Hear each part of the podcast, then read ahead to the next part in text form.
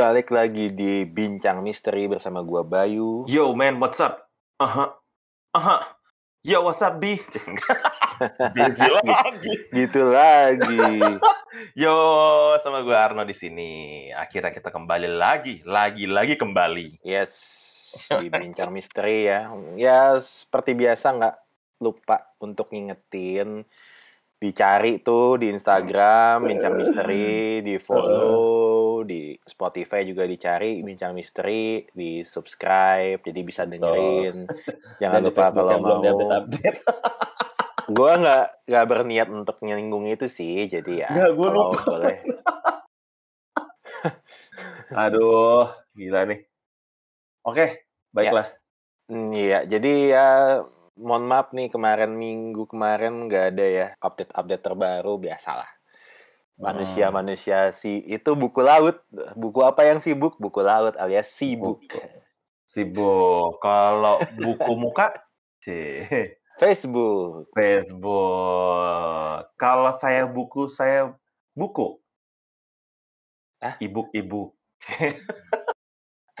Aduh, Aduh, tahu. agak bingung ya mau Agak komentar apa ya.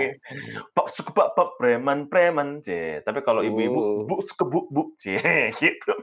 Gue sampai sekarang masih nggak tahu ya maksudnya paksi pak pak itu maksudnya ada nggak tahu, men. hubungannya sama kata-kata tertentu dalam bahasa Indonesia ya Gak ada. masih udah Kang Fauzi atau cuman kayak lalala lalala atau itu kahitna weh iye iye gitu kan Eh, itu kayaknya masih mending.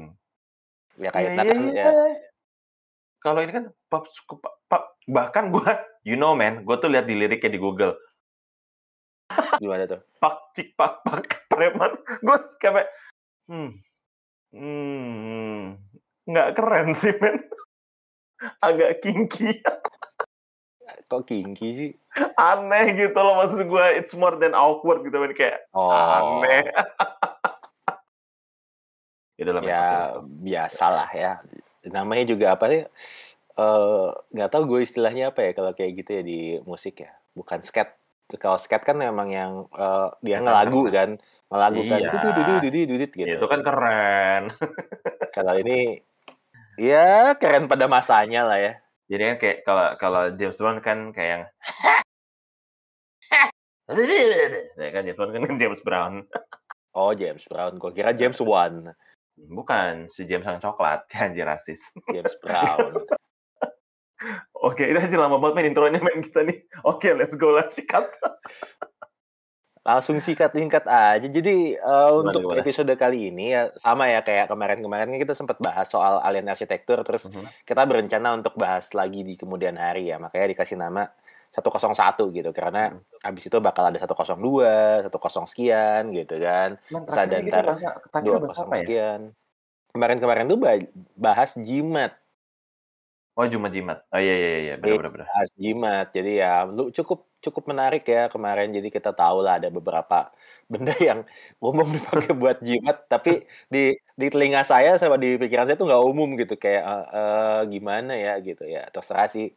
Cuman ya nggak umum sama sekali gitu. Mhm, mhm, mhm. Kita memakai tema yang sama dengan bukan tema ya, memakai style yang sama dengan si alien arsitektur sih kita kemarin sempat ngobrol berdua gitu bahwa wah asik juga nih kayaknya kita kalau ngebahas urban legend di Indonesia gitu ya. Tapi kan Indonesia luas banget gitu. Nah, Dari Sabang sampai Merauke. Merauke, makanannya gitu. Indomie. Ngomong-ngomong soal Indonesia nih, lu Hmm, kan kerjanya lumayan banyak traveling ya.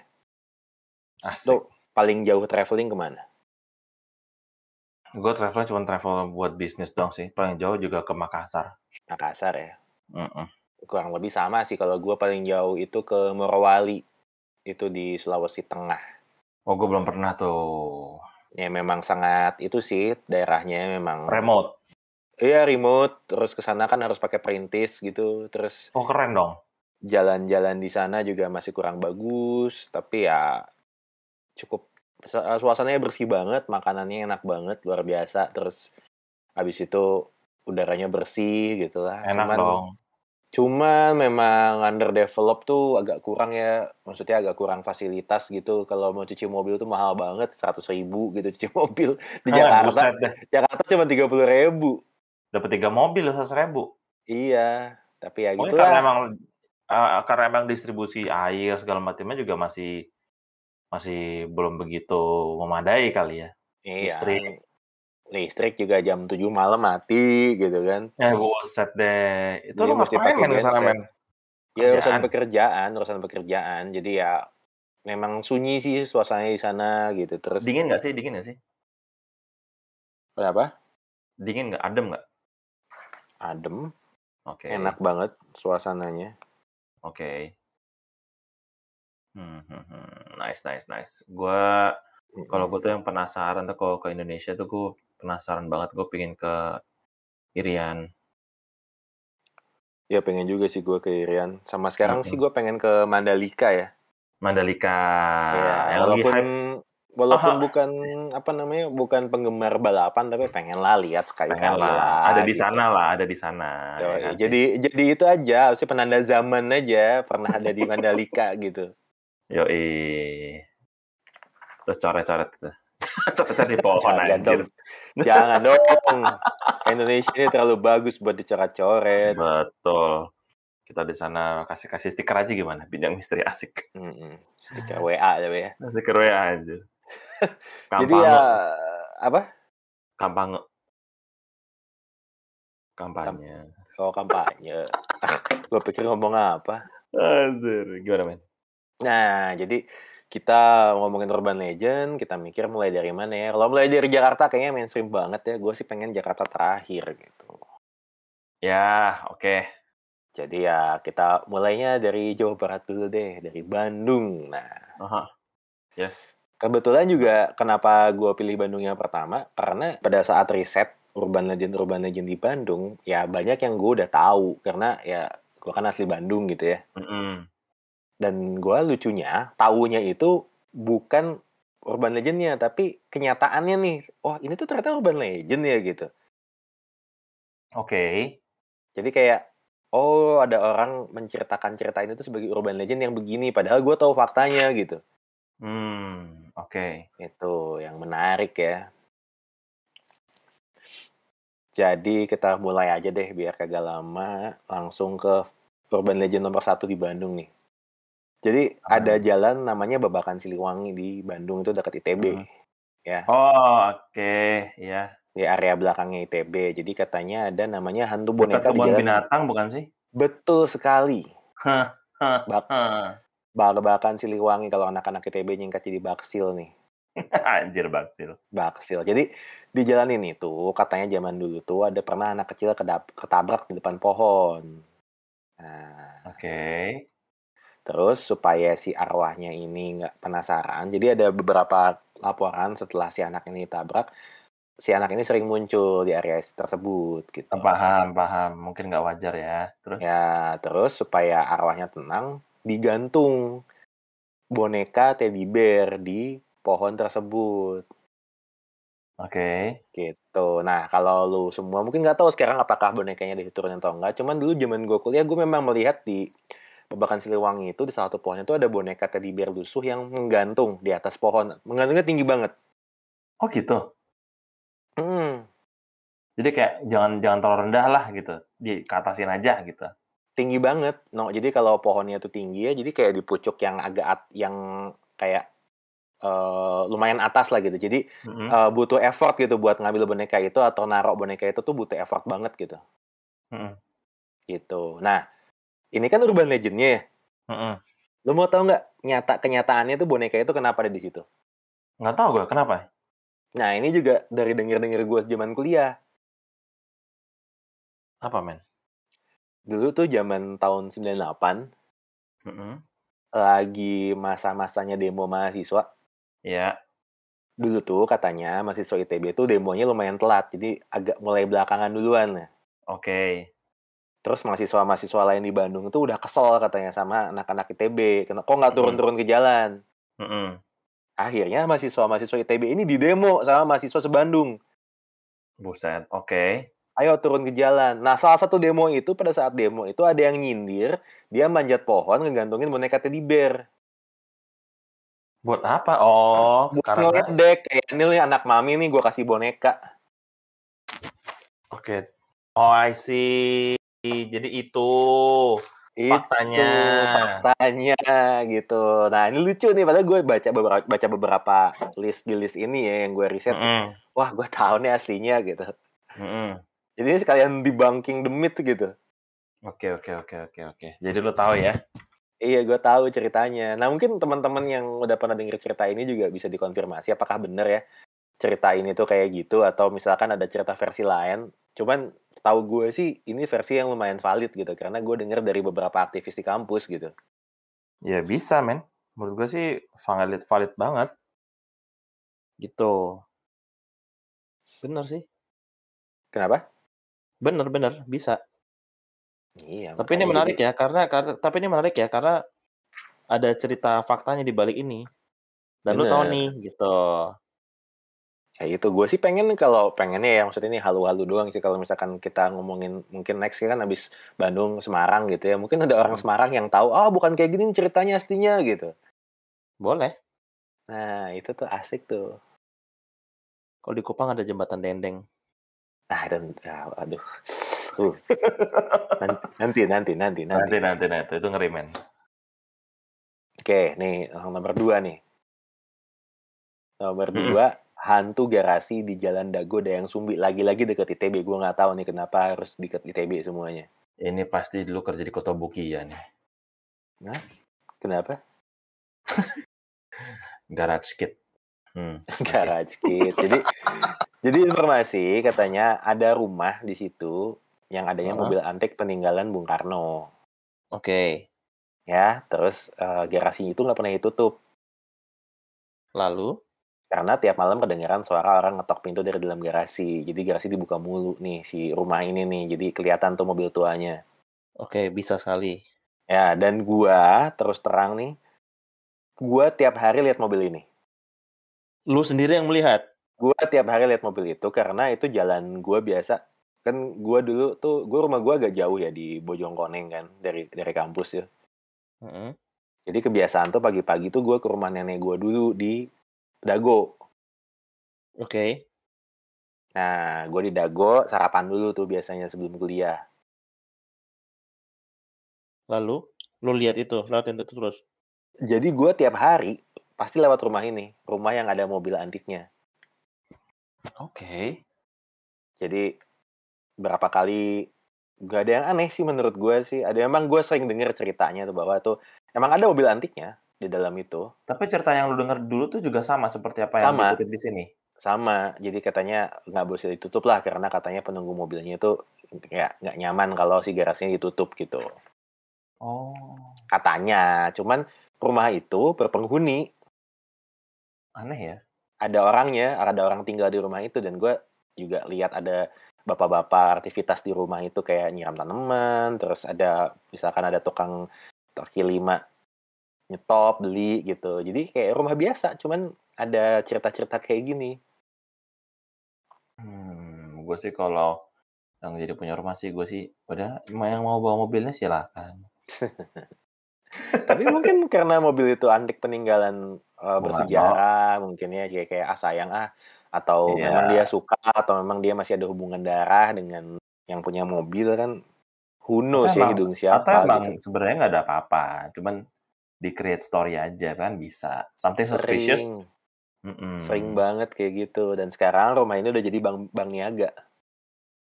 Oh, oke. Mobilnya udah nggak ada ya. Udah nggak ada. Jadi sebenarnya yang agak gua agak agak agak menyayangkan di Dago itu, gue karena tumbuh besar di Dago ya gue ya. Dago tuh dulu, wah jam 8 tuh masih dingin banget loh. Dago tuh pagi-pagi jam 8 dingin, terus banyak bunga kamboja turun dari pohon. Pagi-pagi tuh berkabut. Enak banget nih. Dulu tuh Dago ya, yang namanya Dago tuh berkabut. Dan gue masih inget banget tuh, waduh wangi bunga pagi-pagi. Terus kayak suasananya tuh enak banget buat jalan pagi, sepedaan, dan semua itu rumah, semua saling kenal kanan kiri. Cuman gue beranjak dewasa, kuliah, lama-lama kerja, ya udah berubah semua gitu. Jadi Berubah banyak semua. factory outlet, banyak resto, banyak bank, Iya. banyak apa ya. Itu nggak bisa dihindarin sih ya. Cuman gue merindukan suasana kayak gitu lagi. Coba gue mau melihat Dago ya. Gitu. Mm-mm. Dago zaman dulu. Waduh, dago tahun 90-an tuh the best lah. The best. Dago tahun 90-an. Iya, coba aja lo googling dago tuh zaman dulu. Aduh, enak banget gitu. Jalan tuh santai gitu kan, macet kagak Hmm. ada gitu. Oh iya. Kenal lah semua semua orang gitu. Keren, keren, keren, keren. Dulu mah masih Gitu. teduh banget, men. Teduh banget. Mm-mm, sejuk gitu loh. Kayak belum terlalu Betul. banyak timbal aja. Ah, timbal. Mm-mm. Baiklah. Oke. Itu jadi tadi hantu garasi antara Jalan Dago dan lu sendiri sudah melihatnya. Dan yang Iya. pertama lu juga udah ngeliat yang teddy bear, yang kedua itu adalah hantu garasi. Oke. Kayak ini lu anaknya lu agak ke mana-mana gitu ya. Sampai sama Eh, sebenarnya karena gini loh. Apa ya? Gue mungkin nggak terlalu banyak main ya dulu waktu zaman gue SD, SMP, SMA. Heeh, Tapi gue heeh. cukup tahu lah, maksudnya cukup tahu hal-hal yang kayak urban legend gitu. Terus abis itu cerita-cerita eh apa ya yang ada inilah, ada itu gitu. Heeh. Ya lumayan sering denger lah, mungkin karena dari pertemanan ya, sama zaman dulu kan namanya anak kuliah gitu, yang pasti hidup tuh banyakan di kampus gitu. Biar Iya. kata di rumah di Bandung pun banyakan di kampus. Justru karena deket gitu sama rumah nenek gua di kampus itu ya jadi gampang gitu. Pagi-pagi makan pagi sekampus, pas pas makan siang tuh jalan lagi gua ke rumah nenek gua makan siang di situ gitu. Balik lagi ke kampus.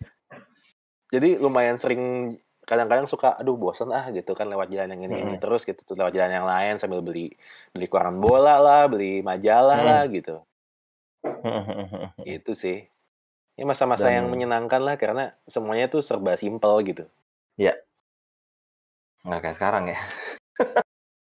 sekarang Bandung ribet banget macet mulu jalannya juga udah aneh sekarang Nggak usah gitu, men. Tahun 2008 aja deh. Jarang banget bawa kerjaan ke rumah.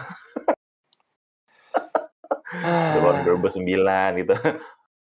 dulu Eh, tuh foto dulu ya, C. Foto saya dulu ya. Baru tunjuk ya, kasih ka- kasih lihat ke saya besok pagi ya di kantor. Kalau kalau sekarang foto ya nanti jangan lupa jam sebelum jam 6 dikirim. Udah beda. Gila. beda lah Ah. sekarang orang semua kerja pakai laptop pakai handphone gitu Iya, jadi gila, men. kalau zaman dulu kan bisa aduh pak saya udah nggak di kantor Nah, gitu nah. Oh yaudah oke besok deh, gitu. Nah, kalau sekarang emang kagak bisa lu bisa buka laptop lagi, bisa buka Iya. handphone lagi, meeting lewat Iya. handphone. Zaman dulu mah mesti dulu kan PC lah di kantor gitu ya. Jadi Betul. Dari nggak situ aja. dibawa-bawa gitu. Iya. Lembur juga kelihatan gitu, oh dia lembur gitu. Kalau Jarang sekarang banget yang bawa laptop. everyone lembur. Everyone lembur. Gitu, bro. Oke. Gimana, men? Nah, balik lagi ke yang list ini nih Urban Legend di Hmm, Bandung. hmm, hmm. Yang nomor tiga nih, ini lucu banget nih. Oke, pohon karetnya di mana, men? ya? Pohon karet di SMA 2 Bandung, katanya angker. Eh, sama do Bandungnya ngangkar atau pohon, atau pohon karetnya? Pohon karetnya, katanya. Kenapa gini? Kenapa pohon itu kalau sudah besar, ya, tidak bersalah Hmm. gitu kan ya, Hmm. dan kelihatan sudah tua tuh pasti dikonotasikan dengan kanker. Jadi ini lucu nih, katanya nih, sekolah yang di Jalan Ciamplas ini punya pohon karet terkenal angker kabarnya. Jadi waktu pas syuting, ini dipakai syuting nih pohon ini kan. Terus naik dipanjat, ya biasalah mungkin untuk setting-setting alat atau apa. Pas dia turun katanya tangannya udah penuh dengan tulisan huruf kuno. Oh, gue gue gue malah pengen tahu tulisan huruf Sunda kuno tuh kayak apa. Kan kayak aksara Jawa ya, Mirip ya? Mirip sih. Tapi em- emang pohon karetnya gede banget sih, men. Nah, gua sekolah di SMA Heeh. 2 Bandung. Oke. Dan tidak ada satu cerita pun yang angker soal ini pohon. Oh, gitu ya? Selama gua sekolah di sana, kelas 1 sampai kelas 3, itu nggak pernah ada orang yang cerita kalau pohon ini angker dan nggak pernah ada yang ada kejadian apa-apa di pohon itu. Iya, Jadi itu kayak lucu, bisa-bisanya orang. iya lucu aja nih gua ini apa namanya eh, baca-baca kayak gini ini lucu banget. Lucu sih, men. Karena maksud gue, orang bule kalau ngeliat pohon gede gini mereka nggak ada pikiran apa-apa sih. kalau kita kayaknya angker nih. Ada nungguin, Ya. ada nungguin, ada nungguin nih, hmm, ada nungguin nih. Hmm, Ya mungkin mungkin urban legend kayak gini tuh baru ada setelah gua keluar dari sekolah ya atau setelah gua lulus ya. Makanya zaman gua sekolah dulu tuh nggak ada dan pohon karet ini tuh angkernya mungkin cuma buat anak kelas 1, anak kelas 2. iya. Karena pohon ini untuk anak kelas 3, tempat nongkrongnya anak kelas 3 nih. Oh, teritorial ya. Teritorial. Yo, gitu. hehehe, mau ke mana lo? Iya, asik. bisa anak kelas 1 kelas 2 tuh nggak angker lah buat anak kelas 1 kelas 2 ini nggak bisa no, duduk di Nggak pohon karet. berani deket-deket situ. Nggak berani deket-deket situ, masalah aja. Pasti kalau kalau ada yang duduk situ pasti masalah gitu. Mhm. Jadi gue tuh kelas 1 ya, kelas 1 tuh biasanya tuh anak-anak kelas 1 tuh nongkrongnya di poci itu ada namanya poci itu pohon cinta namanya. Oke. Itu situ orang suka jadian tuh di pohon itu. Asik. Tapi Gaya dijadiin ya. dijadiin nongkrong anak-anak kelas 1. Kelas Alright. 2 biasanya nongkrong di istal. Di mana? Istal, bukan kandang kuda ya. Jadi ada WC, WC tua gitu. Heeh. WC-nya tuh nggak ada sekatnya, nggak ada eh, ada sekatnya, cuman nggak ada tempat, nggak ada tutupannya, nggak ada pintunya. WC cowok. Oke.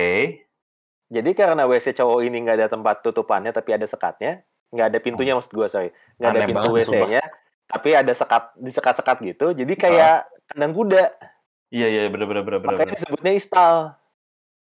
Nah, itu kalau beol beol kelihatan dong. Dan nggak ada, nggak ada yang pipis, nggak ada yang beol di sana.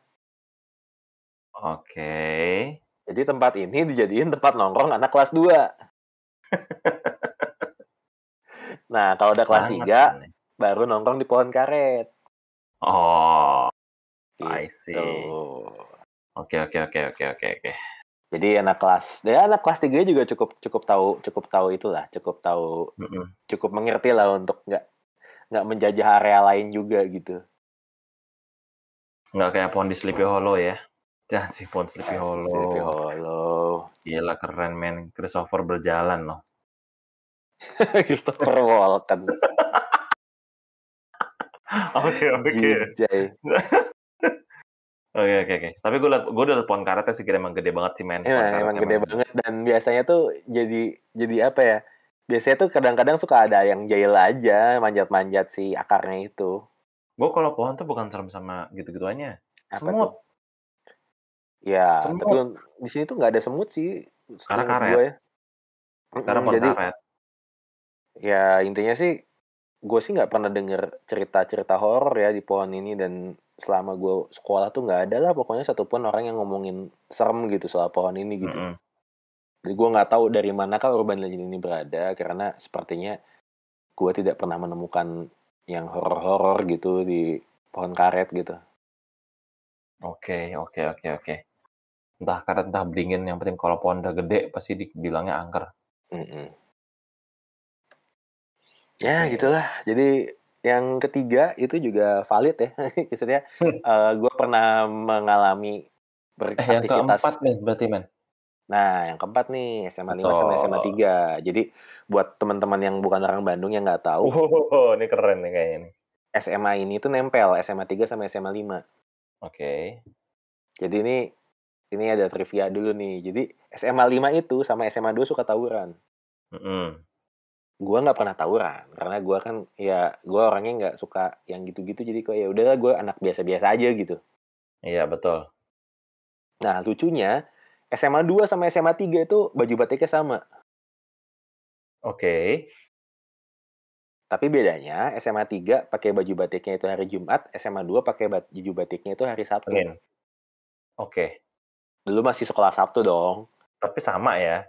Sama. Nah, Oke, lucunya ketika ketika lagi ada tawuran SMA 5 sama SMA 2, gue tuh ada tuh di area itu karena gue SMP-nya lu SMP 5 kan SMP 5 tuh Hmm. deket banget sama SMA 3 dan biasanya nggak gue nggak tahu kenapa anak-anak SMA itu kalau masih kelas 1 eh anak-anak SMA itu suka banget main nongkrong di SMP SMP-nya gitu. Mm-mm. Which is salah satunya gue juga. Jadi misalkan gue SMA 2, gue gue lulusan SMA SMP 5 nih. Hmm.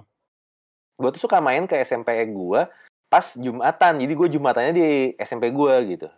Oke. Habis itu nongkrong-nongkrong sama sesama alumni di sekitar SMP gitu.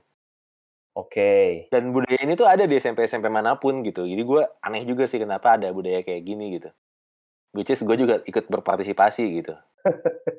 Ya jadi Nah. pergerakan dari budaya lah ya. Ya, nah anak-anak SMA 2 yang nongkrong di SMP 5 yang nggak mau tawuran, Heeh. biasanya pakai baju batik. Apa baju batik? Iya, pakai baju batik biar disangka anak SMA 3 sama anak SMA 5. Ah, oke. Jadi nyaru gitu. Jadi kalau mereka berantem mah kita nontonin aja, ih dia dipukul, iya ya udah biarin aja gitu. GTA dong. Padahal teman sekolah sendiri gitu. Jadi kayak kita mah yang nggak mau tawuran cuek-cuek aja gitu. Hmm, I see. SMA 5 dan SMA 3 nih. Iya, jadi SMA 5, SMA 3 ini eh, dia dempet sekolahnya sebelah-sebelahan dan bahkan sharing gedung. Heeh. Nah, ini sekolah favorit banget ya SMA 3 ini. Jadi banyak memang dari situ yang ke UI, TB dan pinter-pinter lah biasanya Oke. SMA 3. Nah, ini sekolah ini tuh dulu nama dulu sekolah Belanda. Namanya Huge Burger School. Hu- Burger School, sih nggak tahu gue ini apa nih. Kita cek Google Translate aja. aja Hugo Burger School. Kayak jualan Iya. burger deh. Jadi katanya ini di sini ada hantu Belanda, hantu wanit- wanita Belanda namanya Nancy. Oke. Nah, si Serem Nancy ya. ini Serem ya. Namanya aja udah serem ya. Iya, si Nancy ini sering kelihatan apalagi kalau orang jadi ada mitosnya kalau orang jalan di depan sekolah sebanyak tiga keliling bisa ngelihat penampakan Nancy di jendela bagian atas. Oga, makasih. Jam berapa kelilingnya? Nggak tahu, tapi memang ini ter- terkenal banget nih dari zaman gua dulu juga terkenal banget dan gua nanya bokap gua. Bokap gua tuh Hmm. SMA 3 dulu. Heeh. Dan cerita Nancy itu udah dari zaman dulu. Oh ya? Mm-mm. Nancy. Mm-mm. Jadi ini ceritanya memang bener-bener memang eh, legend gitu. Oke. Kan gue tadi bilang yang kayak di Babakan Siliwangi, yang di Dayang Sumbi, terus Pohon Karet tuh kayak kayaknya bikin-bikinan deh gitu, ya kan? Iya. Nah, yang keempat ini, yang soal si Nancy di SMA 3 sama SMA 5 itu udah lama Sounds banget legit. ceritanya. Sounds legit Hmm. karena udah dari zaman orang tua kita gitu. Iya. Berkesan bener-bener kayak udah ya udah deh. Tapi oke. Bu- bunuh diri di sekolah dan ke penampakan diri. Mm-mm. Sebanyak tiga keliling, jika beruntung, jika beruntung, oh gah gue beruntung. Bukan beruntung, jika lu sial. Nah, Piano musik klasik. Aduh, men, ini creepy banget, men. piano musik klasik, mending piano musik klasik coba. Tapi gini loh, gue tuh heran dengan urban legend di sekolah karena kan Hmm. sekolah di Indonesia tuh banyak yang sekolahnya itu gedungnya gedung Belanda ya Gedung kuno, ya. Gedung kuno gitu bahkan SMP SMP gue SMP gue SMA gue gitu Ah, bahkan ah. banyak banget SMA SMA itu yang dulunya sekolah Belanda gitu itu tuh sering banget lah ada urban legend ada penampakan orang Belanda gitu heeh, heeh. Jadi ya kayaknya betul. umum ya? Eh, ya penampakan orang Belanda itu termasuk hal yang umum. Bahkan bahwa eh, gue sedikit cerita ya. Hmm. gue gue udah pernah cerita nih sama lo nih yang gue gambar gue gambar noni Belanda. Gue gambar noni Belanda temen gue orang Bandung. Terus tiba-tiba dia messenger gue dia kirim gue messenger. Tanpa gue ngomong sama dia Hmm. dia bilang Arno lu gambar apaan Hai Hai nak kenapa lu gambar apaan eh yang mana? Yang lu baru gambar ini apa? Ah ini gue fotoin. Iya lu gambar itu. Jadi gue ngomong apa-apa sama dia, dia di Bandung. Terus gini, Hmm. dia nyamperin gue, no. Dia siapa nyamperin lu? Ya dia sebelah gue nih. Dia bilang sasaknya kurang tinggi. Terus makanya baru gue lihat lu. No lu gambar apa? Dia bilang, terus gambarnya masih di gue nih men. Gitu, "Eh, ah enggak, enggak mungkin. Lo, oh gitu, lo nggak mau nih. Kalau lo mau, gue bisa minta tolong dia ke lu nih. Enggak, enggak, enggak, enggak, makasih, makasih. Gue nggak mau. gitu, itu, itu juga wanita Belanda gitu. Ya, ya. Ya, tapi gue sih nggak mau sih kalau ketemu sama hantunya Marie Antoinette. Anjir serem. Ya intinya sih ini kayaknya legit ya. Jadi memang banyak Iya. cerita-cerita kayak gini gitu di gedung-gedung sekolah, terus ya umum Di gitu. Bandung banyak ya gedung-gedung kuno ya? Banyak, banyak. Memang Belanda kayaknya seneng di Bandung. Jadi memang banyak gedung-gedung. Eh, di Bandung itu Hah? gedung yang terkenal paling angker itu apa? Selain gedung sate. Even gedung sate pun gue nggak mengang- menganggap itu angker ya. Gue juga nggak menganggap, tapi temen gue yang satu eh ya bilang ke gue lah banyak ada yang ngeliat gitu ini itu. Tapi sampai gue sana gue nggak merasa itu angker. Tapi kalau di Bandung yang yang paling urban legend tuh gedungnya atau nggak area tuh apa sih? Tempat. Kalau gua sih merasa ya, dan beberapa teman-teman gue juga bilang tempatnya nggak enak banget itu Museum Pos. oh ya? Museum Pos itu kebetulan terletak di eh, kompleknya Gedung Sate. Oh gitu. Museum Iya, ya? gue nggak tahu ya. Uh, Ngeri men kayak kayak Lawang Sewu. Ya memang auranya kagak enak sih kalau gue pernah. Gue pernah beberapa kali ke sana tuh emang nggak nyaman gitu. Sama Museum Mandala Wangsit. Ini gak enak banget men museum pos men asli. Museum asli. Wangsit ya. Eh, Mandala Wangsit tuh museum TNI di area Jalan Merdeka itu terkenal sih Siliwangi, dulu Siliwangi ya. enggak Mandala Wangsit namanya. Coba kita sedikit. Ini gue lagi lihat nih.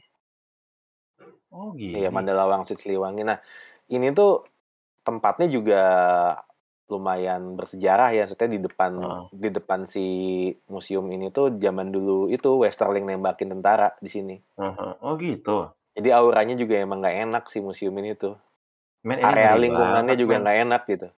Ngeri banget men. Ada foto-foto pahlawan yang digantungin gitu.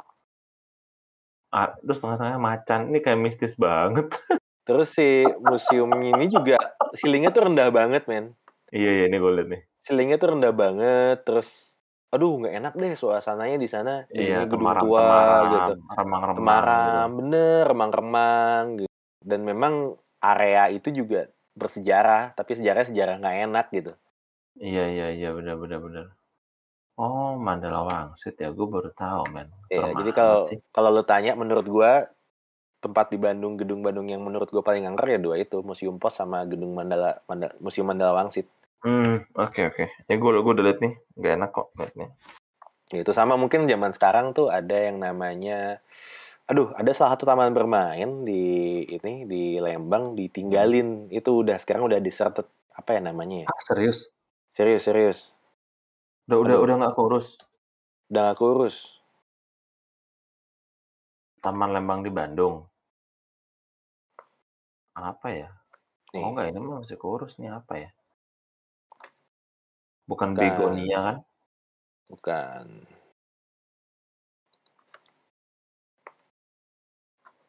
Taman Kampung Taman- Gajah, Kampung Gajah. Oh kayaknya Kampung Gajah ya? Bandung ya? Iya, Anjir, udah serem banget men. yes. Kampung Gajah jadi angker banget sekarang. Dulu tuh Anjir. lumayan rame, sekarang udah angker. Karena bangkrut ya. Ini beneran ya ada beginian di Kampung Gajah nih horor banget Iya. men. Wah gila sih, gokil sih. Ini kota mati sekarang. Terbengkalai banget. Eh, gue sih agak males ya ke sana ya sekarang. Iya, iya ngapain juga men. Ya mungkin udah beberapa teman-teman yang mau uji nyali gitu, terus cobain ah Museum Pos, ah cobain ah Museum Mandala Wangsit, cobain ah eh, si Kampung Gajah. Kalau gue sih Oh, no, ngapain lo kayak nggak ada gitu. hiburan kayak nggak ada hiburan lain gitu loh. Gue kalau kampung gajah gini gue takutnya ular, Mm-mm. ular sama binatang liar. Gue takutnya itu. Sadisnya gede banget men, terbengkalai banget men. Lihat Mm-mm. kota mati. Parah sih. Parah, parah, parah. Gue baru tahu. Oke, oke, ini seru nih, seru nih, seru nih. Oke men, Ya. oke men. Paham, paham. Oke, jadi Gimana gimana? Tadi udah ya nomor satu itu si Babakan Siliwangi, nomor dua rumah yang ada mobil antiknya di Dayang Sumbi, terus ada pohon karet, nomor tiga yang sebenarnya tidak menyeramkan, jadi teman-teman Heeh. tenang saja. Yang keempat SMA 3, SMA 5, ini legend banget di Bandung. Nah yang ke Mhm. nomor lima nih, gue agak bingung kenapa disebutnya ITB gitu, langsung ITB gitu. Tapi apakah ini di ITB?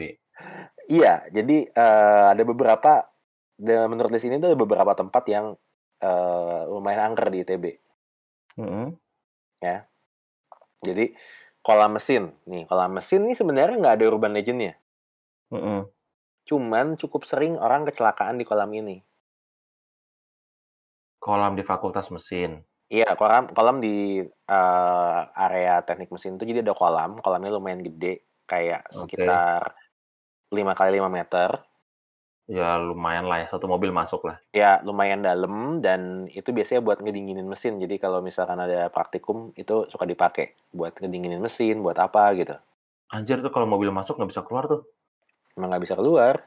Coba aja lu iseng kalau mau cari kolam mesin ITB gitu ya. Ini gue lagi buka nih. Oh, oke oke. Udah haunted kolam mesin. Kenapa bisa ada mobil masuk ke sini, eh? Dan ini tuh sering, sering, sering banget kecelakaan di kolam mesin. Oh gitu. Heeh, biasanya itu yang acara mahasiswa ada yang kecebur gitu. Heeh. Terus kalau misalkan kan kalau jadi kalau di ITB itu budaya wisudaannya tuh jadi si wisudawannya tuh bisa disiksa, disiksa sama. Iya, disiksa sama juniornya lah gitu. Heeh, heeh, heeh. Either dia di biasanya kita bikin itu ya. Bikin tongkat dari ka- koran, Heeh. terus kita bikin eh, plastik diisi air kayak bom air gitu. Heeh. Kita bikin pos-pos-pos gitu, terus kalau wisudaannya datang kita serang tuh, kita lemparin air, kita pukulin gitu. Nah, kalau di kolam mesin ini lumayan sadis. Dijorokin biasanya ke kolam mesin gitu. Iya nih di, di dijatuh-jatuhin semua nih. Jadi sehingga ada beberapa kasus wisudawan meninggal gitu. Lah gila. Sayang banget ya dipikir-pikirnya kasihan banget ya. Iya. Jadi ya memang kolam ini cukup banyak memakan korban sih dari zaman dulu gitu. Sampai zaman sekarang juga yang terakhir juga ada kasus bahwa ada beberapa kasus lagi gitu. Jadi Oh ya? sejak saat itu kayaknya anak-anak mesin nggak boleh deh pakai kolam ini buat eh, acara-acara gitu, acara-acara mahasiswa orang dicemplungin ke situ tuh kayaknya nggak boleh lagi gitu. Oke. Nah, jadi dulu itu gua tuh himpunan mahasiswa gue tuh di depan Indonesia Tenggelam dan biasanya kan ma- wisudawan tuh disambut di himpunan gitu ya. Iya. Ya, dulu sering tuh wisudawan diceburin ke Indonesia Tenggelam, bahkan teman-teman yang ulang tahun juga diceburin ke Indonesia Tenggelam. Heeh. Nah, mungkin karena kasus yang di mesin itu jadi dilarang lagi cebur-ceburan gitu. I see. Ya, biar Ya, biar adil lah, biar adil lah. Iya.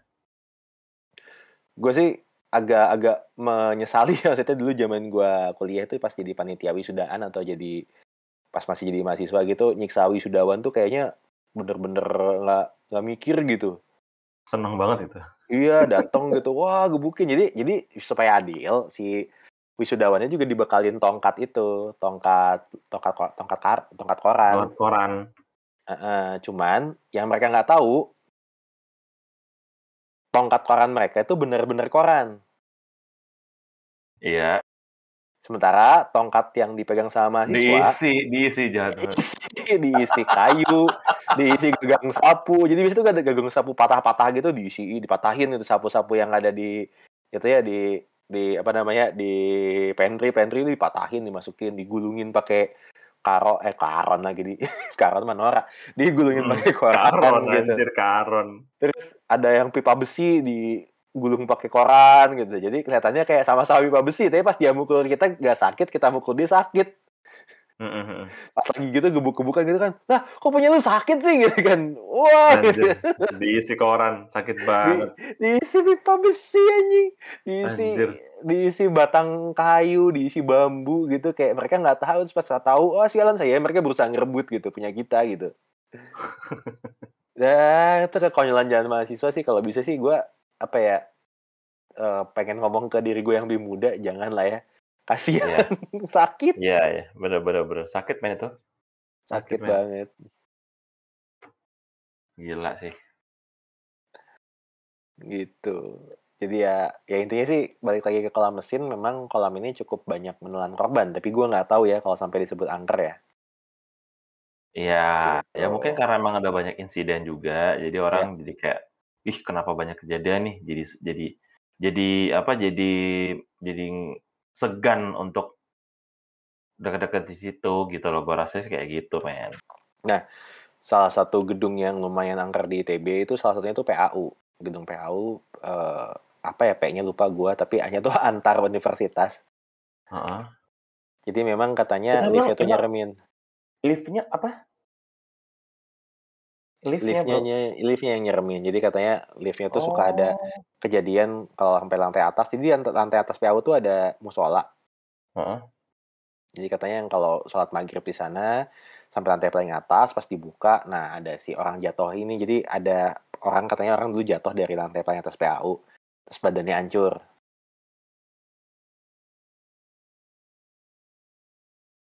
Nah, dia tuh suka apa suka menampakkan diri ke orang yang naik lift ke lantai paling atas gitu.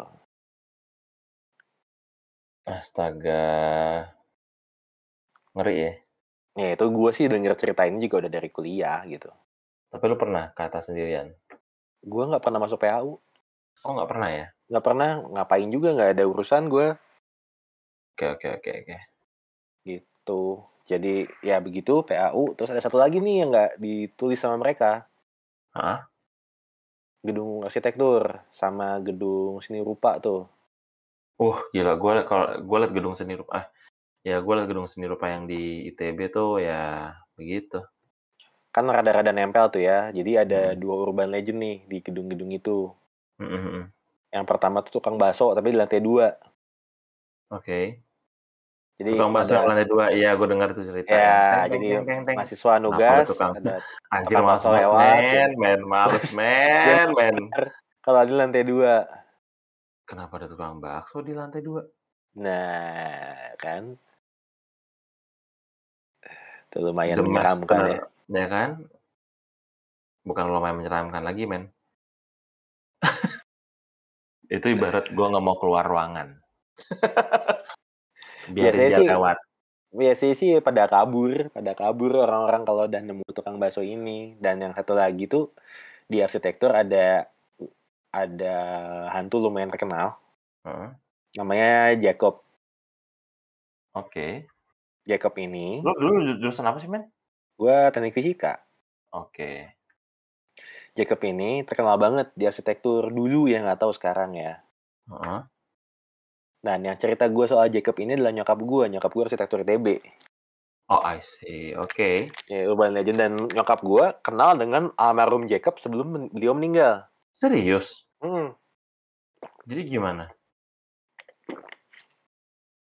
Dan nyokap gue pernah bersinggungan langsung dengan kejadian Jacob ini. Hah? Jadi ada seniornya nyokap gue. Mungkin kalau sekarang masih ada, beliau dipanggil Pak ya, Pak Jacob gitu ya. Uh -huh jadi si Jacob ini dia lagi ngerjain tugas di itu, tugas di apa namanya, tugas di studio arsitektur sendirian. Uh, uh, uh. Di hari libur. Dan gak ada siapa-siapa. Gak ada siapa-siapa. Nah, oh cerdas. Dia, dia apa namanya? Uh, bikin kak bikin itu lah ya bikin gambar di sana ngegambar ya. gitu terus dia ya. terus dia kalau nggak salah itu lupa makan Terus dia uh, mau ngambil sesuatu di lemari, pas di lemari itu dia pingsan. Oke. Okay. Dia masuk dalam lemari. Di Hah? pingsannya itu. Jadi dia jatuh ke dalam lemari. Oke, okay, oke. Okay. Terus lemarinya ketutup kan? Uh -uh. Terus nggak ada yang sadar dia di sana. Beberapa hari bau busuk. Lah? Meninggal? Meninggal. Jadi dia meninggal masuk dalam lemari. Oh alah, oke. Sejak saat itu, Jacob ini sering nampakin diri, tapi nampakin dirinya dia suka suka itu suka jadi doppelganger dulu buat orang lain jadi misalkan nyokap gue pernah orang lain. iya Iya. nyokap gue pernah ada yang ngeliat nyokap gue gitu masuk Oh, studio terus tahu-tahu nyokap gue masuk lagi gitu kan memakai pakaian yang berbeda gitu Mhm, ternyata mhm. ya banyak yang bilang bahwa oh ini Jacob lagi keluar nih jadi ada ada masa-masanya gitu Jacob tuh bakal keluar gitu Oh gitu. Hmm, Oh. bahkan kakek gue juga cukup aware gitu dengan legenda Jacob ini kayaknya pas zaman nyokap gue kuliah tuh legenda Jacob ini lagi heboh-hebohnya gitu atau ya anak sekarang di ITB masih itu nggak ya masih Masih sih gue rasa men.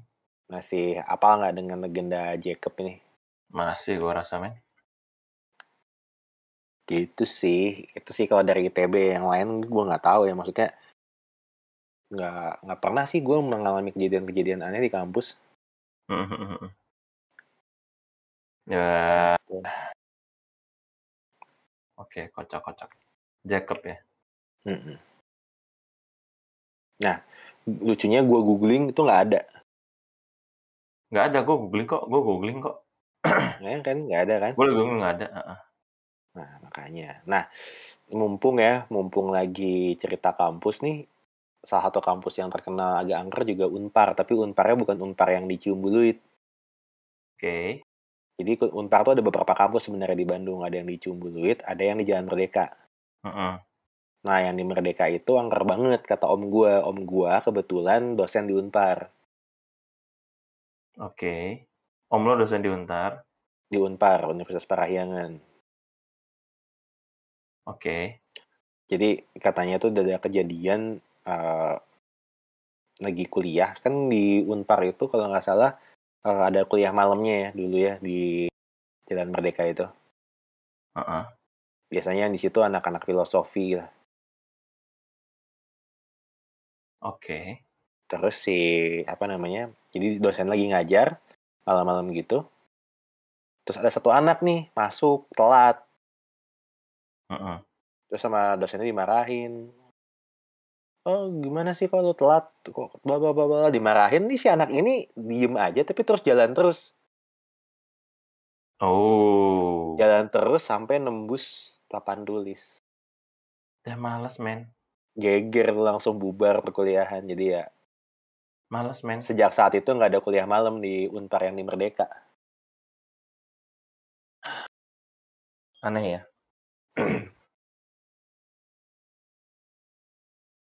Aneh aneh aneh. Creepy banget. creepy ya Creepy banget lah gila lu. Serem men. oke nah ini ada tiga lagi nih yang Mm-mm. lumayan lumayan lumayan urban legend lah di Bandung juga nih Apa tuh men?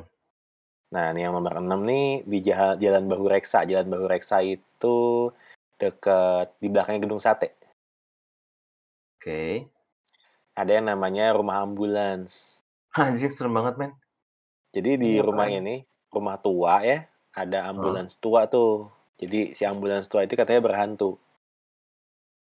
Ah, gue sering denger nih cerita-cerita kayak gini. Nah, saking terkenalnya si ambulans tua ini sampai pernah ada film hantu ambulans. Ya standar lah ya.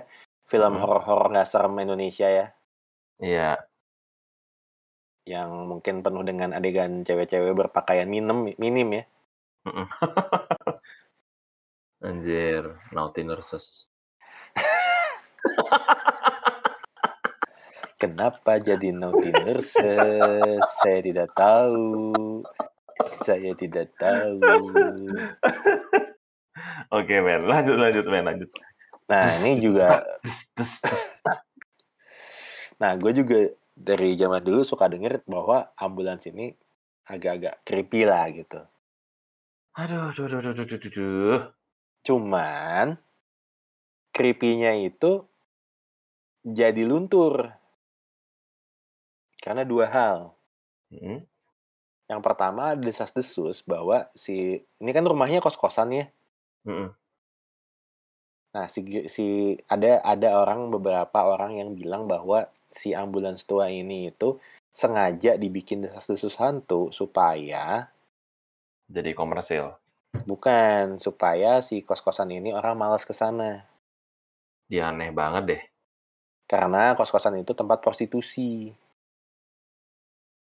Oh, that's why. Ada cerita begitu, tapi nggak pernah ada yang bisa membuktikan. Oke. Nah, yang kedua, waktu zaman gue kuliah, Iya. di tempat ini dulu dis distro loh. Oke. Ini di mana, men? Di iya Jalan Bahu Reksa di Ah, dekat Gedung Sate. Jadi si anjir, ambulan distro. Gila, distro ini namanya ambulans apalah gitu. Cynical si- MD, bukan ya? Si, si ininya, si ambulans ini jadi nggak serem lagi karena ditempel-tempelin jadi orang datang ke sana nempelin stiker, malah nempelin stiker lama-lama jadi nggak Hmm. serem Mhm. gitu. Hmm, oke oke oke. Paham gua. Oke oke oke oke oke. Tapi emang dari namanya udah ngeri, men. Iya. Jadi si rumah ambulans ini memang lama-lama jadi nggak serem gitu. Oke oke. Sama kayak di Surabaya ada nasi ambulans. Ah, nasi ambulans. Asli, men. Itu gue bilang, Mas mau makan, Mas, apa? Nasi ambulans. Apa tuh? Belum, belum. Enak, Mas, enak, Mas. Gue bilang, gue dengar namanya aja udah gak enak. Kayak gue cium bau formalin. Tapi nasinya kayak gimana ya? Nasi campur, nasi warung gitu loh, bro. Tapi terkenal. Nasi ambulan gitu. Hmm. Enggak, enggak, enggak. Makasih. Kenapa gue cium formalin ya? Aduh, edan men gila. Ya intinya sih si ada orang bilang sih hantunya tuh si ambulansnya jalan-jalan sendiri tanpa itu, tanpa penyet, tanpa setir, eh tanpa setir, sorry. Hmm. Di kok belibet gini ya gue. Tanpa ban, tanpa ban, tanpa ban. Anjing tanpa ban. Aduh. Gablek. Ambulan jalan tanpa ban jadi Rok, anjing suara apa tuh? Jadi dia pakai ban. Gesek gitu kan. Gue gue dia dia hover gitu, hover gitu, hover, hover gitu. Wuh. Terus ngeri banget men. Gila. ngaco, ngaco. Aduh. Jadi, jadi intinya sih katanya hantunya itu si ambulans sih jalan sendiri nggak ada yang nyetir gitu. Hmm, berarti itu, itu dia apa? Autobots atau Decepticon? Eh nih, Iya, Autobots. Optimalisasi prima, ya kan? Anjir goblok. Oke oke gila gila gila gila. Oke kayak emang nasib nyambulan ini emang jadi candaan mulu sih men dari tempel stiker sampai sekarang kita jadi sini kita ngecengin terus. Goblok kayak Iya. aneh banget. Ah oke oke jenaka sekali ya. Sebut jenaka. Gimana men? Tapi dulu juga ada cerita nih terkait kendaraan ya, bukan masalah ambulans berhantu atau apa. Mm-mm. Jadi beberapa waktu yang lalu itu ada seorang anak ITB ya. Ya. Jadi kampusnya tuh anak-anak kampusnya bikin acara di Lembang. Mm-mm. Terus dia telat kan, terus dia jalan Hmm. sendirilah dari arah kampus ke Lembang gitu naik motor. Kenapa sih harus jalan sendiri? Oke terus? Nah ini orangnya sih ya gue kayaknya masih ada mutual friend sama orang ini lah, tapi gue nggak tahu namanya siapa gue lupa. Pokoknya ceritanya dia gitu dia yang mengalami gitu. Mm-mm. Nah dia tuh lewat jalan Sersan Bajuri. Nah Sersan Bajuri ini kalau malam tuh gelap banget memang, Mm-mm. gelap banget dan eh, sepi banget. Oke. Walaupun ada beberapa tempat yang eh tourist attraction di sana kayak Kampung Gajah dulu Mm. di Sersan Bajuri itu Kampung Gajah ya. Terus Mm. ada beberapa restoran mewah juga di sana, ada beberapa hotel yang hype di sana. Cuman overall sepi. Jadi mungkin Oke. ramenya di titik-titik tertentu aja nih si Sersan Bajuri Iya. ini. Paham. Jadi dia pas lagi jalan lewat Sersan Bajuri karena mungkin dia malas lewat jalan ini jalan utama Lembangnya karena biasanya itu macet gitu, macet dan penuh dengan turis lah. Oke. Dia lewat Sersan Bajuri, nah di tengah jalan itu dia papasan sama satu mobil, Mm-mm. mobil tua Oke. Mobil tua ini ya mungkin tampangnya kayak mobil-mobil ambulans yang tadi ya, mobil ambulans Aha. tua gitu. Pokoknya Aha. mobil kayak kayak carry atau kayak mobil Daihatsu Daihatsu apa ya yang pokoknya mobil-mobil kayak mobil-mobil carry gitu lah, Suzuki Carry gitu. Tapi mobilnya tuh Oh. tua banget ya kayak carry lama gitu. Terus udah lapuk, udah apa namanya, udah karatan segala macam. Anjir, tebak isinya apa? Creepers. Tebak Sebentar, isinya apa? sebentar. Gua mau menebak isinya apa. Apa Mayat. tuh? Bukan. Apa, men? Isinya badut penuh. Hah? Isinya penuh badut dan badutnya semuanya katanya bukan badut abis pulang pesta gitu, kayak badut sedih semua gitu. Kayak badut lesu gitu. Serius lu? Serius. Dan gua, wah ini aneh banget ceritanya. Menurut gua aneh banget ceritanya. Oke. Karena badut lesu gitu kayak anjing freak banget gitu.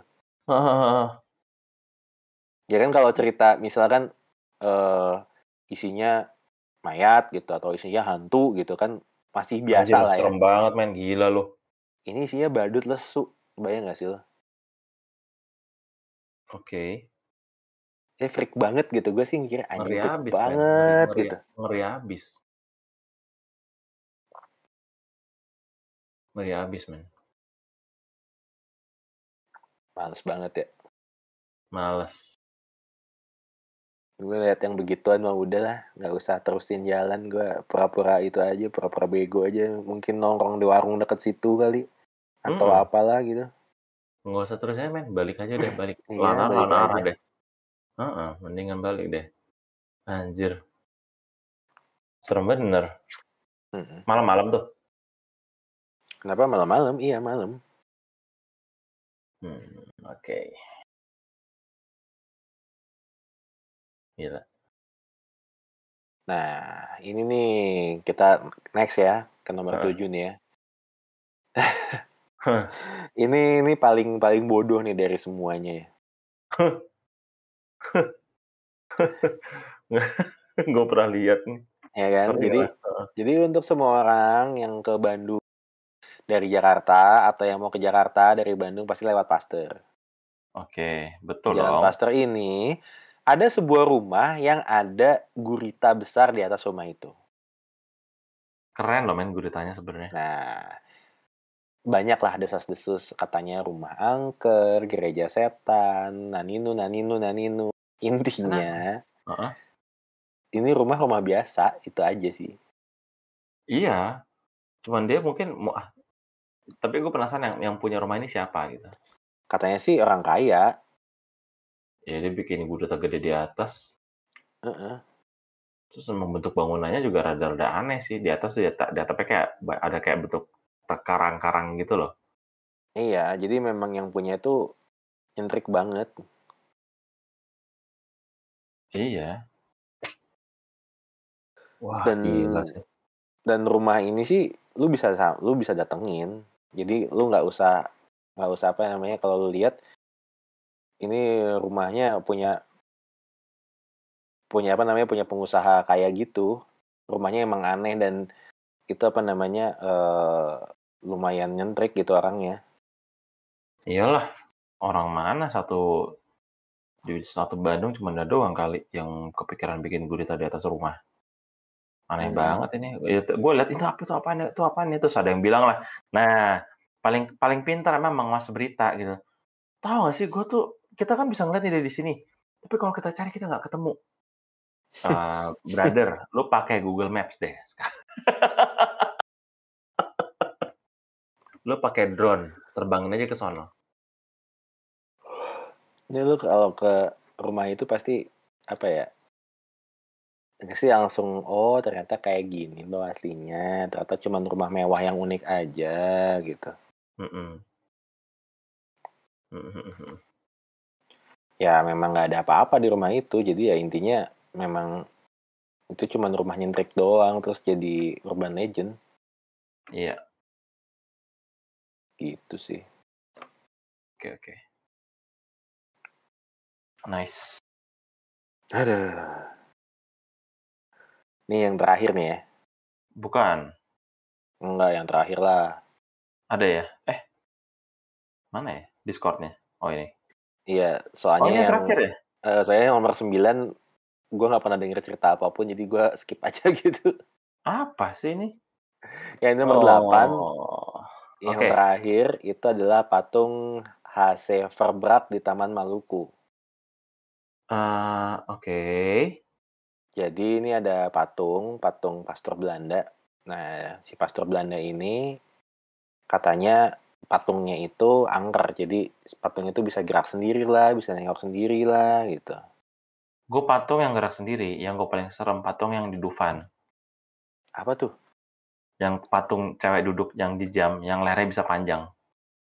Oh, patung apa tuh ya? Emang patung bisa gerak sendiri ya? Jadi tiba-tiba lehernya naik, men. Dulu gue waktu kecil tuh gue serem banget, men.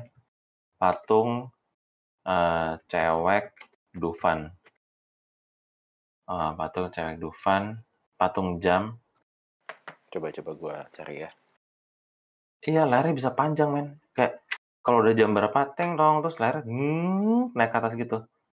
Anjir. Yang Putri Duyung bukan sih? Bukan, Bukan ya? men. Patungnya patungnya aneh banget deh. Patung jadul, men. Era tahun 90-an gitu loh. Hmm. Aneh deh, men, dulu gue liat. Kalau Putri Duyung ini mah baru nih. Oke, oke, oke. Ya, intinya sih si patung pastor ini Mm-mm. Itu memang dari dulu memang banyak ceritanya si pastor Verbrack ini. Jadi si Henrikus Christian Verbrack ini sebenarnya nggak pernah ke Bandung. Mm-mm. Jadi dia memang eh, dia meninggal di Indonesia. Terus mungkin karena jasa- jasa-jasanya ya sebagai misionaris, dia didirikanlah Mhm. patung di sana gitu. I see. Cuman entah kenapa patungnya itu jadi angker katanya. Katanya bisa gerak sendiri lah atau bisa apalah. Cuman gue punya teori nih kenapa ada cerita hantu kayak gini. Mm-mm. Jadi Taman men? Maluku itu untuk orang Bandung ini tempat pasti tahu lah. Ini Taman Lawangnya Bandung. Oke, gue nggak tahu asli sumpah. Jadi ini di situ banyak bencong mangkal Oke, di Taman Maluku tuh. oke. Jadi mungkin supaya untuk supaya bencong-bencong itu nggak mangkal di sana, dibikinlah cerita gitu. Hmm. Ya, sini agak-agak ini ya.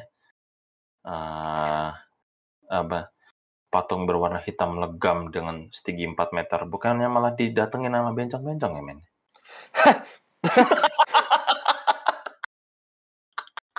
Saya kenapa tidak kepikir ke arah sana ya? Nggak tuh gue aja yang terlalu kotor pikirannya biasa. Baik, mam.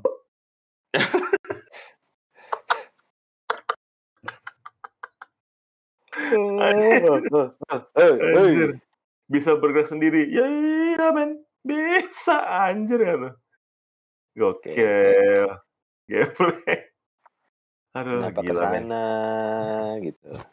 Tapi gue rasa itu ya, maksud gue eh,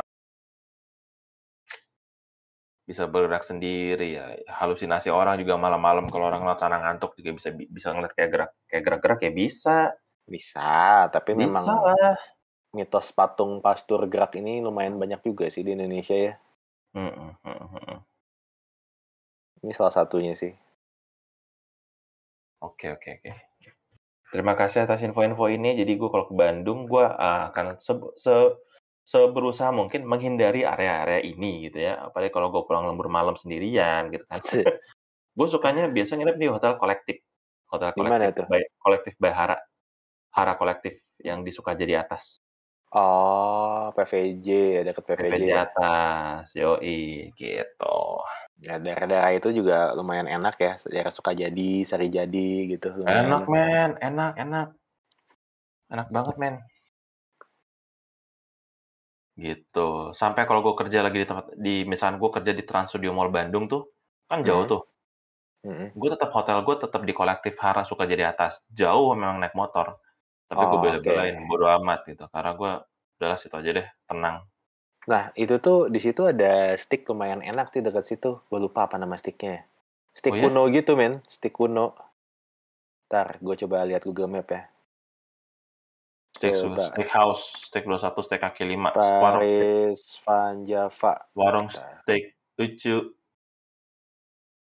Ya nggak gitu, bentar ya. Gue nggak tahu namanya nih. Bentar, bentar. Di situ ada pasar dekat situ apa ya namanya ya? Bentar ya. Kita cari dulu, kita cari dulu. Eh, Duh, kok lagi saat gini-gini jalan jurang, mana jalan jurang? Enak ya men, serius men. Bentar ya. Steak pasar sederhana Bandung. Pasadena, warung steak Pasadena. Oh, steak Pasadena Bandung. Iya, Oh, Itu enak. Wow, ini enak banget men. itu enak. Anjir, gue kecium baunya nih sampai sini nih. Malam-malam lagi. Wah, Harganya murah banget men. Iya maksud gue ini enak banget. Dia ada enak eh, yang paling terkenalnya tuh dia dikasih telur atasnya si steaknya. Iya, iya, gue liat, gue liat, gue liat, gue liat men. Terus ada juga yang Aduh. dia dibikin kayak apa namanya ada kebabnya terus ada mix grill gitu. tornado Hmm. stick tuh yang paling enak menurut gue ya Hah? tornado stick Oh ya? Mm.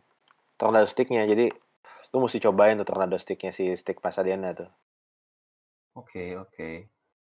Oh, ini tornado stick at Pasadena yang kayak di roll gitu ya? yes Wah, rese loh. Sumpah gue lapar. Anjir. Asli. Gue tuh keba apalagi di, di AC kan. Kayak, kayak ini anggap aja gue lagi di Bandung gitu. Duh, ma- cari makan di mana ya gitu. hotlet lagi. Hotlet lagi. Steak Pasadena ya? Pasadena. Jadi kalau ke Bandung ntar apalagi lu nginep di Sukajadi ya deket tuh kalau. Stick Pasadena tuh. Kan ada di pasar sederhana. ya? Iya, di pasar sederhana. Oh, di pasar sederhananya. Yes. Yes. Oh, gue sering lewat situ. Kalau berangkat kerja. Nah, Oh gitu, men. kapan-kapan cobain deh, itu enak bet. Gila nih, gue harus cepet-cepet nyobain nih. Oke, oke, oke, oke. Dia humble gitu, tempatnya tuh humble banget, jadi lumayan enak lah. Oke, oke, oke, oke. Tempatnya enak, makanannya enak, klasik lah itu. Gue akan coba, men.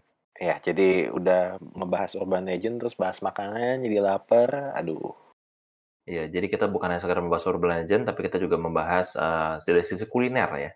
iya. Mungkin teman-teman di kota lain yang tahu urban legendnya di Semarang lah, di Balikpapan, di mana mungkin bisa kali kita dikasih tahu kali ya sebelum kita riset sendiri kali Mm-mm, betul, betul.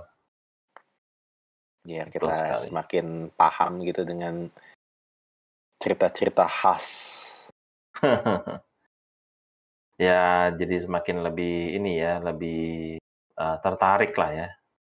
Nah, Betul. Sebenarnya kita nih Indonesia tuh banyak sekali cerita-cerita kayak gini. Cuman ya memang tergantung kita gimana kita mengemasnya sih. kayak Gitu. menarik sebenarnya. Menarik. Maksudnya Menarik sekali. Menarik sekali.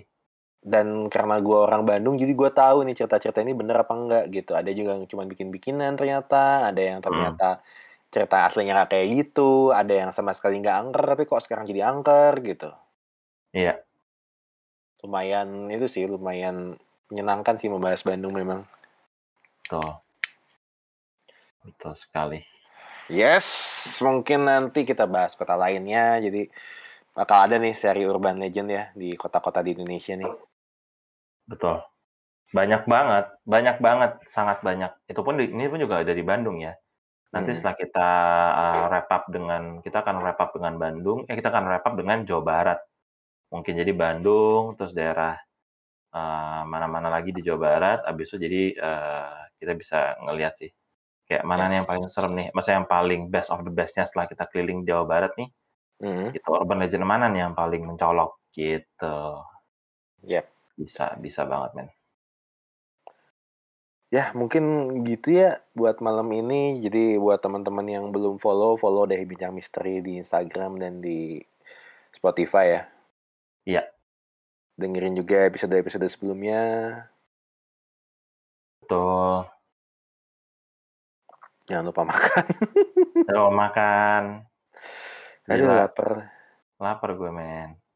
Parah, Indomie boleh kali ini. Anjir. Indomie boleh lah. Indomie Boleh lah ya. goreng. Indomie goreng double pakai telur sama sambal. Kalau pakai cabe. Aduh. Persen jeruk nipis. Tuhan, ya Tuhan, ya Tuhan, Tuhan ya udah gitu dulu aja kali ya. Ya eh. Yoi bye bro. Ya udah mungkin gitu dulu kali buat episode kali ini. Yes. Sampai jumpa di episode-episode selanjutnya. Aha. Kita undur diri dulu. Gua Bayi Pratomo signing out. Dan gua, aha, yes, what's up, B? Ah, Oke. gua, gua JA, C, enggak gua Arno. Stark signing out. Gitu. yuk, So, bye. sampai ketemu di uh, episode berikutnya ya. Yo. Deh. Yup.